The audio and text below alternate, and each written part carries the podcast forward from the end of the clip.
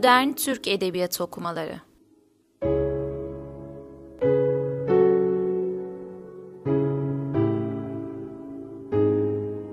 Tarih, Kuram, Metin ve Antoloji.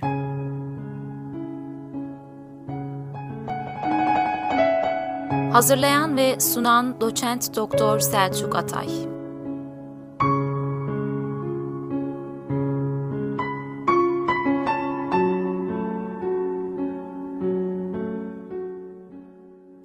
Modern Türk Edebiyatı okumalarında Rene Wellek üzerine konuşmaya, onun kitabından hareketle edebiyat teorisi üzerine konuşmaya devam ediyoruz. Edebiyatın işlevinde kalmıştık, oradan devam edelim. Her nesne veya nesneler en rasyonel kullanımlarını kendi tabiatlarına uygun şekilde kullanıldıklarında bulurlar. Bir nesne asıl işlevini kaybettiği zaman başka bir işlev yüklenir. Nesnelerin dizaynları asıl işlevlerine uygun şekilde teşkil edildiğinde daha sonra yüklenen işlevi yerine getirirken bir iğretilik söz konusudur. Koleksiyoncularda gördüğümüz herhangi bir eşyanın antika yani asıl fonksiyonu kaybolduğu için günümüzde başka bir işlev yüklenmiştir örneğin. Mesela bir mangal, bir süs eşyası olabilir. O zaman şiirin tabiatında ne varsa veya genel anlamda edebiyatın tabiatında ne varsa işlevini de oradan hareketle e, ortaya koymak gerekir. Roman için de aynı şeyi söylemek mümkün. Şiir için de hayal gücü, icat, kurgusallık demiştik geçen hafta. Bu üç şey edebiyatta var. Öyleyse edebiyatın işlevinin de bu üç şeye uygun olması lazım. Eski Yunan'dan beri edebiyatın işleviyle ilgili olarak birçok tartışma söz konusudur malumunuz. Eski Yunan'da tarihten beklenen şey edebiyattan da bekleniyordu. Felsefe de edebiyattan sayılıyordu örneğin. Buradan anlıyoruz ki eski Yunan'da bilimler edebiyattan sayılıyor. Mesela felsefeden düşünceye ilişkin bir bilgi bekleriz. O zaman edebiyattan da aynı şeyi beklemeliyiz. Bunun tartışması orta çağa kadar uzanmıştır. Edebiyattan beklenense kendi işlevidir. Başka bilimlerin işlevinin yerine getirmesiyle edebiyat olmaz. Edebiyat eskilerin söylediği gibi söylersek efradına cami, ayarını mani olacak. Bunu taşı, taşıyabilmeli. Eğer bunu yapabiliyorsa edebiyata yaklaşır, bunu yapamıyorsa edebiyattan uzaklaşır birinci planda. Genel olarak edebiyatın başlıca iki işlevi oldu. Zevk ve fayda. Genellikle e, fayda üzerinde çok duruldu. Güzellikte fayda aranıp aranmayacağı tartışması yüzyıllardır süre geldi. Bir güle bakarken ondan çıkaracağımız yağ mı düşünürsünüz? Yoksa kokusunu veya güzelliğini mi? Edebiyatın haz dışında başka bir amaç için kullanılması onun gerçek işlevini götürmez. O orada durur. Felsefeci yer değiştirme yoktur diyor. Birbirinin yerine geçmiş gibi görünür fakat tam karşılamaz. Faydaya gelelim. Fayda edebiyattan başlangıçta beklenen bir gereklilik değil. Ancak zevk asıl olmak kaydıyla edebiyattan beklenen fayda zevkle birlikte düşünülebilir. Demek ki edebiyatın birçok işlevi var ama bunların hepsi zevkin içinde düşünülmeli. Edebiyatın dışında akademik anlamda çalışan ancak edebiyatla ilgisi olan sosyoloji, özellikle psikoloji, tarih ilmi, estetik ilmi edebiyatı kendi amaçları için kullanabilirler. Mesela tarihçi için edebiyat bir vesika olabilir. Ama edebiyatçı için edebiyatın vesika olması söz konusu değil. Edebiyat da her bilim gibi kendine ait değerleri içinde taş, taşır, barındırır. Biz bu değerlerden yola çıkarak edebiyat teorisini kurarız. Mesela form bir değerdir. Biz bu formun şiirin estetiğine ne kattığını teorize ederiz. Yani teorize etmek edebiyatçının işidir. Aristo şiiri genel olabilir olanla ilgilenir diyordu. Ona göre şiir tarihten daha felsefidir. Çünkü tarih olmuş olanla ilgilenir. Şiir ise tipik ve özel olanı yansıtır. Aristo'yu hatırlayın poetikasını. Bu ifade bizi edebiyatta tip ve karakter meselesine kadar götürür da. Yani tip dediğimiz bir sınıfın özelliklerini asıllarında barındırır. Yahudi tipi mesela, işçi tipi. Nerede ne yapabileceğini tahmin ettiğimiz, başlangıçta neyse sonunda aynı olan şey tip. Karakter farklı durumlarda farklı yorumlar üretir. Romanın başındaki ile sonundaki birbirine benzemezse, değişim ve dönüşüm geçirmişse, bu maddi de olabilir, manevi de olabilir, orada karaktere geliriz. romanımızda bir tip problemi var malumunuz. Karakter yaratmak tip yaratmaya göre çok daha kolaydır. Tip yaratmak daha zordur. Bunun Türk Edebiyatı'nda bir problem olarak uzun yıllar boyunca süre geldiğinde belirtmek gerekir. Edebiyatın e, felsefenin dışında mesela tarihin dışında e, bilgi değeri taşıdığı bir alanda psikoloji. Tanpınar, Dostoyevski, Shakespeare bunlarda psikolojinin ağır bastığı görülür.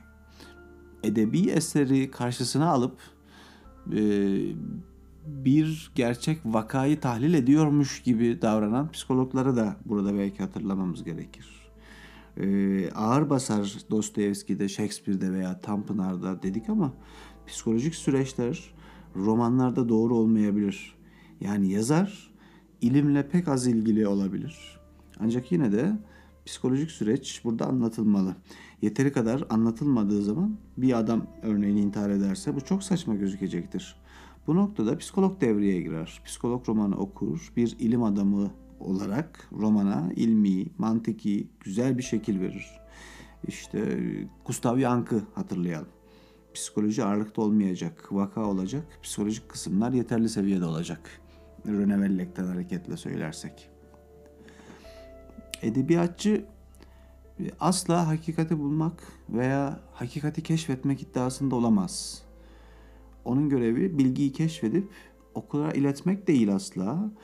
E, pekine bilineni algılayıp üzerine düşünmemizi sağlamak. Bu bilinenin niteliği bir tasvirden mi ibaret yoksa sanatkarın sezgisi mi? Bunu ayırmak zor fakat bireysel olduğu kesin. Mesela Tarık Buğra'nın kahramanı, e, hayat bilgisi. Sezgisel bir süreç. E, onu benim okuyucu olarak kullanmam yanlış. Biz onu roman kahramanı vasıtasıyla esere yansıtılmış e, bir sezgisel süreci içerisinde düşünürüz. Mesela Peyami Safa'nın Yalnızız romanında Samim'in Simeranya yazısı bizim üzerinde düşüneceğimiz bir ütopya. Realite aynı olan hiçbir edebi eser yok. Biz realite hakkındaki bilgileri aklın kullanıldığı alanlardan alan yani fen bilimlerinden veya sosyal bilimlerin edebiyat dışındaki alanlarından bekleriz. Bilim adamı aklını ve mantığını kullanır. Sanatkar ise sadece sezer ve yansıtır. Sanat konusundaki görüşlerden biri bu hakikati bulmaksa hakikati bulan veya sezen bir şey değil. Hakikati nakleden bir şey olduğu görüşü de burada karşımıza çıkar. İşlev noktasında, edebiyatın işlevi noktasında. Bu görüş doğru değil. Çünkü e, sanat hakikat bilgisi değil. Ne bir tablodan ne bir şiirden hakikati öğrenemezsiniz. Böyle olduğundan bazı yazarlar sanatı propaganda olarak kullanabilirler. Bazı şeyleri göstermek için yaparlar bunu. Ama bu gerçekten realiteyi göstermez. Edebiyat me- e, metninde daha ziyade roman ve hikayede bu propagandacılık yapanları birkaç başlıkta ayırabiliriz. Sorumsuz propagandacılar mesela. Orhan Veli, Cahit Sıtkı bizim edebiyatımızda buna örnek verilebilir. Yaptıkları propagandanın sistemi yoktur. Bireysellik vardır. İkincisi sorumlu ve bilinçli propagandacılar. Yunus Emre'yi, Mehmet Akif'i, Necip Fazıl Kısaküre'yi örnek verebiliriz. Kendi bireyselliğinin dışında bir sistematikten bahsederler. Ne yaptığının ve ne anlattığının çok ciddi farkındadır. Ee, bir de propagandacı sayılması imkansız olanlar var. Ahmet Haşim burada belki akla gelir. Yazılarında herhangi bir sistematik ideolojiden e, bahsetmek mümkün değildir. Mizacını anlatır, mizacının gereğini yapar. Empresyonlarda biz kendimiz vücut buluruz. Müphemiyetleri vardır gibi. Edebiyatın işlevini belki böyle toparlayabiliriz. E, edebiyat teorisi, eleştirisi ve tarihi. Üç kavram. E, tarihini bir kenara bırakmakla birlikte çoğu zaman edebiyat teorisi ve eleştirisini bir yan yana kullandığımıza da dikkat etmişsinizdir. 19. yüzyıl pozitif bir yüzyıldır. Pozitivist bir yüzyıldır. Fen bilimlerin metodunun sosyal bilimlere de uygulanmaya çalışıldığı yüzyıl malumunuz. Aynı fen bilimlerinin kesinliğini sosyal bilimlere de uygularsan, uygulamak istersen, yani kesinlik kurmaya çalışırsan, edebiyatın bir bilim olup olmayacağı sorusu veya sorunu ortaya çıkar. Bilim olabilmesi için elde bir takım formüller olacak. Kriterlere uygunluk bir bütünlük taşıyacak vesaire. Edebiyat biliminin eleştiri içermemesi nedeniyle eleştirebiliriz belki. Edebiyat tarihinin e, oradan başlayalım. Edebiyat tarihinden başlayalım. Edebiyat tarihinin alanını yaptığı işi AB'den etkilenmiştir şeklinde tespit edenler var. Mesela bu bir edebiyat tarihi görüşü. Edebiyat eleştirisinde de AB'den iyidir şeklinde yargılayanlar var. Edebiyat tarihi ne tür olgularla uğraşıyor? Edebiyat eleştirisi ise bir fikir ve manayla uğraşıyor. Fikir ve manayla ilgili.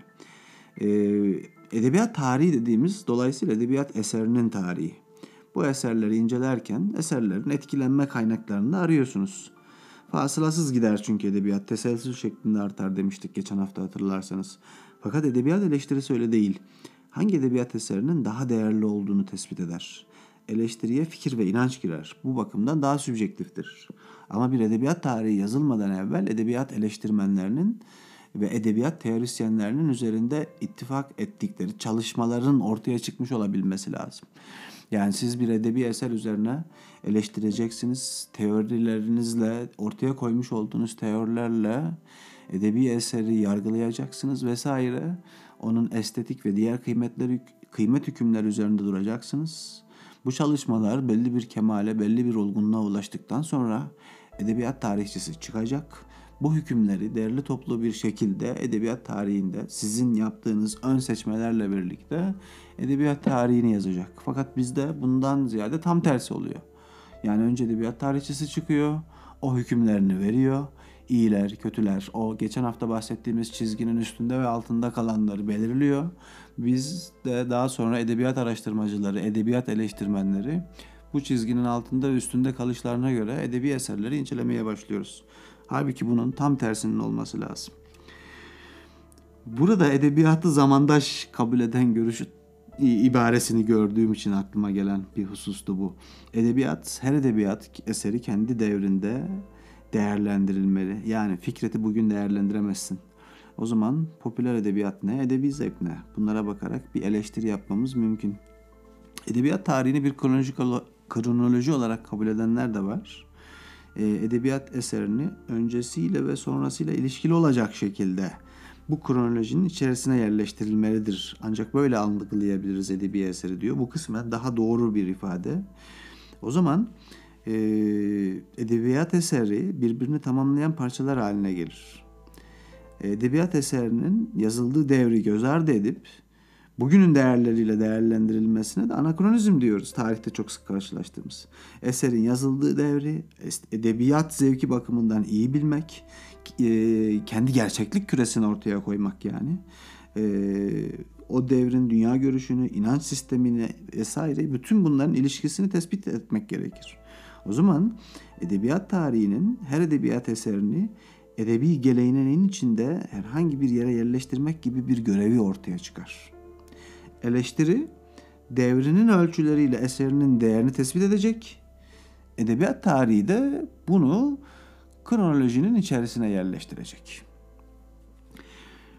Edebiyat eleştirisi o zaman edebi eserin anlamıyla uğraşır. Wellek hiçbir edebiyat eleştirisinin ya da eleştiri metodunun tek başına eseri açıklayamayacağını söylüyor. Her birinin yeterli olup olmadığını ama gerekli olduğunu iddia ediyor. O zaman e, edebiyat teorilerinde sık sık karşımıza çıkan işte ontolojik edebiyat kuramı, psikoanalitik edebiyat kuramı vesaire. Bunların hiçbirisinin tek başına edebi eseri açıklamakta yeterli olmayacağını ama her birisinin gerekli olduğunu söylüyor. O zaman edebi eserin anlamı eleştirilerin bileşkesi. Edebiyat tarihçisi ne relativist ne mutlakçı. E, relativizm dediğimiz sebep netice ilişkisi, gazelite. Yani sosyal olguların belli şartlar altında tezahür edebileceğini savunmak. Bunu edebiyata uygularsanız belli özellikleri taşıyan edebiyat eserinin her zaman iyi olacağını savunmanız gerekir. Edebiyat tarihçisi e, daha çok perspektifçi görüşü benimsiyor. Çok farklı açılardan yaklaşabilmesi lazım bu anlamda. Burada birazcık teoriye de değinerek ilerler. E, bir takım girişimlerden bahseder. Edebiyat tarihini e, teori ve eleştiriden ayırma girişimlerinden bahseder. daha evvel biraz önce söylediğim e, edebiyat tarihinin A'dan B'den etkilendiğini tespit ediyor. Buna göre edebiyat tarihi e, doğrulanan olgularla uğraşıyor demek. Ancak buna şöyle bir eleştiri getirilebilir. Hem tarihçiye hem de edebiyat tarihçisine yüklenen görev açısından her ikisinin de seçimi nötr değil. Tarihçi de eleştirmen de bir seçim yapar. Hangi eseri inceleyeceğini seçmek, onu diğerlerinden değerli bulmak demektir. O zaman bu değerli bulmanın kriteri nedir? E, demek ki edebiyat tarihçisi de konu olarak seçtiği romanları mesela seçerken A'nın B'den iyi olduğu, kötü olduğu gibi bir değerlendirme yapmak istiyor. O yüzden az evvel söylediğim gibi edebiyat tarihçisi edebiyat eleştirmeninden, edebiyat incelemecisinden veya teorisyeninden sonra çalışmaya başlarsa daha isabetli iş yapmış olur. Bu yargılama da böyle olmayabilir ama. Yani edebiyat tarihi ile edebiyat eleştirisini birbirinden ayıran en önemli hususun yargılama olduğu söyleniyor ya. E, bu görüşü savunanlar açısından söylersek e, rekonstrüksiyonizm e, Almanya'da geliştirilen tarihselci görüş. E, doğru telaffuz edememiş olabilirim. Edebiyat tarihçilerinin büyük bir kısmı buna göre inceleme yapıyorlar. Burada belirleyici olan şey anakronik değerlendirmemek.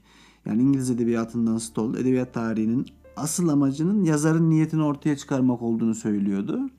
E, bu niyet işte metaforik, psikolojik, e, sembolik değerlendirmeler olabilir. Bu tarz incelemeler, bu tarz değerlendirmeler her devrin değişik bir eleştiri anlayışı ve yolunu takip ettiği fikrinden başka bir yere götüremeyeceğine göre ortaya şu sonuç çıkar. Her devir başka hiçbir devirle kıyaslanamayacak bir şiir tipine, bir edebi eser tipinde ifadesini bulmuştur ve sadece kendini ifade eden bir birlik gösterir. Ee, buna eleştirel relativizm diyoruz.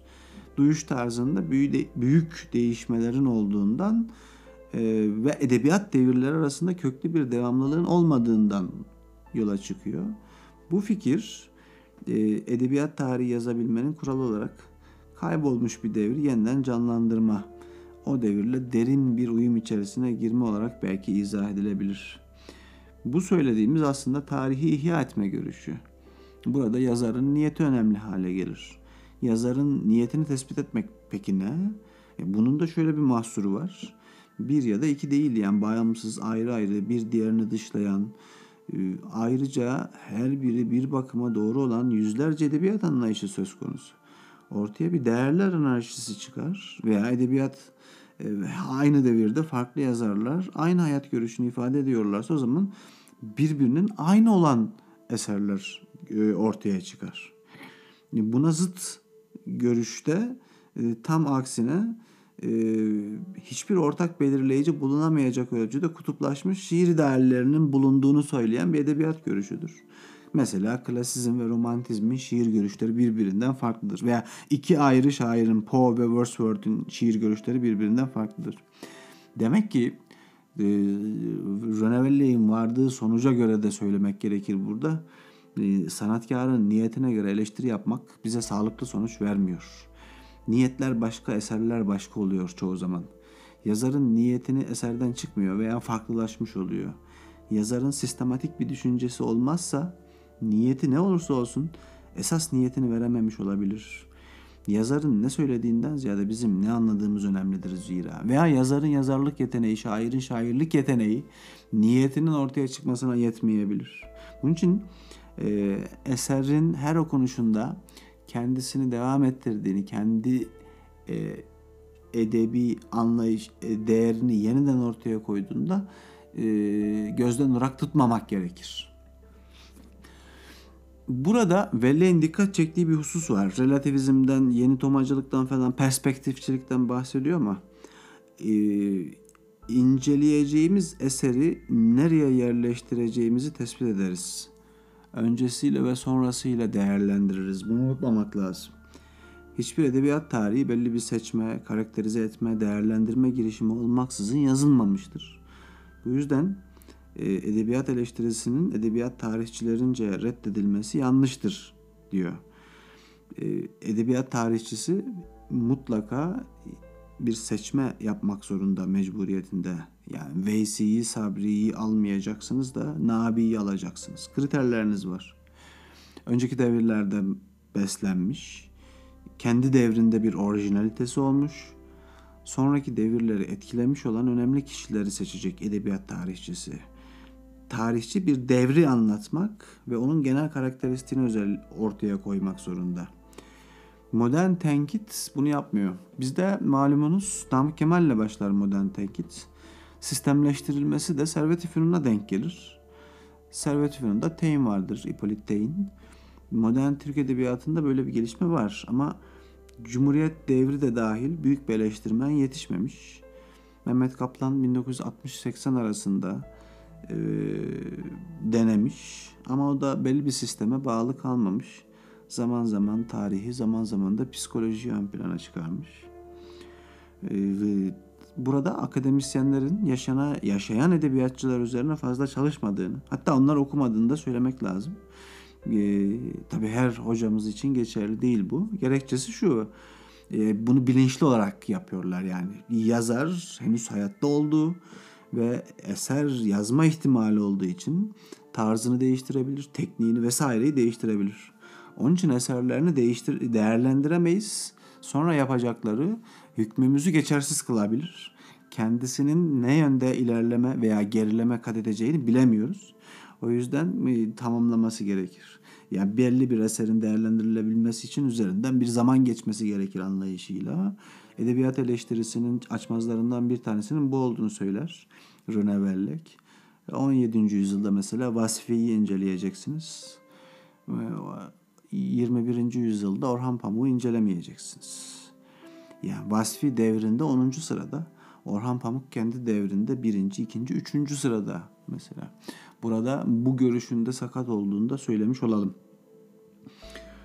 Edebiyat tarihçisi bir tarihçi olmak için dahi eleştirici olmalıdır sözünün de altını çizmişim. Ee, bu tarihçi bile olsa eleştirecek. Eleştirmeyi bilmezseniz seçemezsiniz. Ya bekleyeceksiniz ya da sizin eleştirel bir kişiliğe sahip olmanız lazım.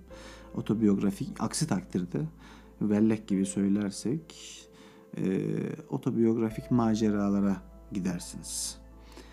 E, bir sonraki başlık ise genel karşılaştırmalı ve milli edebiyat. Bu terimi ilk defa e, Arnold 1848'de kullanmıştı. History Comparative'den söz ederken. Karşılaştırma yöntemi, karşılaştırmalı edebiyatta e, bütün bilimlerde kullanılır da bizde çok problemlidir. Edebi özellikleri hiçbir zaman tam olarak karşılayamıyorsunuz çünkü. E, terimi iki edebiyatın aynı yüzyıldaki gelişmesinin mukayesesi olarak şeklinde mi anlayacağız? veya aynı devrin iki ayrı edebiyattaki görüntüsü olarak mesela romantizmin 19. yüzyılda Fransa'daki görüntüsüyle 19. yüzyıldaki Türk edebiyatındaki görüsü. En itibar edileni sanıyorum bu. Bu sözlü verimler için ilk başta kullanılmıştı. Onu hatırlıyorum. Yani şifahi edebiyatı, halk edebiyatı olarak da geçebilir bu. Yüksek edebiyatın halk verimlerini nasıl etkilediğini inceliyordu. Bunun en iyi örnekleri de halk şairlerinin divan şairlerinden etkilenmeleri.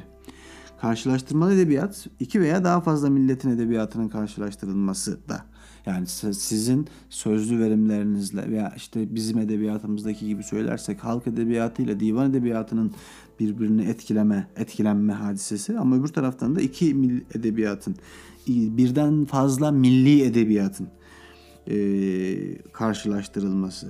Yazar hakkında oluşan imaj ne? Belli bir devirde meşhur olmuş belli yazarlara ait özel durumlar, işte o devrin dergileri, o devrin çevirmenleri, edebiyatçıların toplandığı salonlar, mahfil deniyor ya şimdilerde. Seyyahların yazdığı seyahatnameler, e, yabancı yazarların dahil olduğu yabancı atmosferler. Bu belki Goethe'den hareketle söylenecek olabilir. Evrensel bir edebiyat tarihine de malzeme toplanmış oluyor. Ee, Türkiye'de nasıl görü, göründüğü mesela Fransa'daki yalnızlık temasının. Goethe bu dünya edebiyatı fikrini ütopik bir şekilde ortaya atmış ama hiç çalışmamıştı. Ee, dünya edebiyatı terimi bu yüzden bir hayaldir. Belki üçüncü manada kullanılabilir yani bu terim şaheserleri karşılar. Homeros'u, Shakespeare'i, Balzac'ı, Tolstoy'u vesaire. Buradaki seçme zamanın belirlediği bir seçmedir. 600 yıl geçmesine rağmen Fuzuli hala sevilir mesela. E, genel edebiyat teriminin e, üç başlığı var burada. Genel edebiyat, karşılaştırmalı edebiyat ve milli edebiyat. Bu genel edebiyat teriminin başka türlü sakıncaları da var.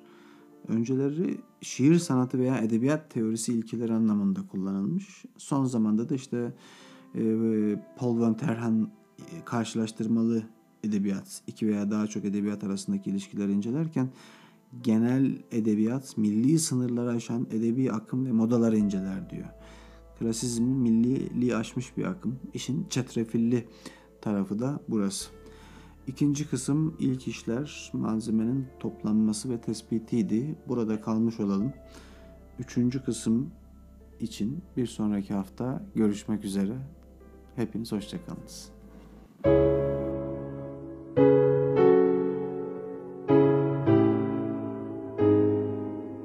Modern Türk Edebiyatı okumaları.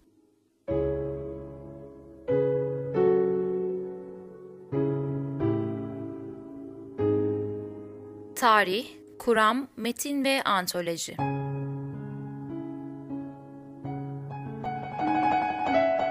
Hazırlayan ve sunan Doçent Doktor Selçuk Atay.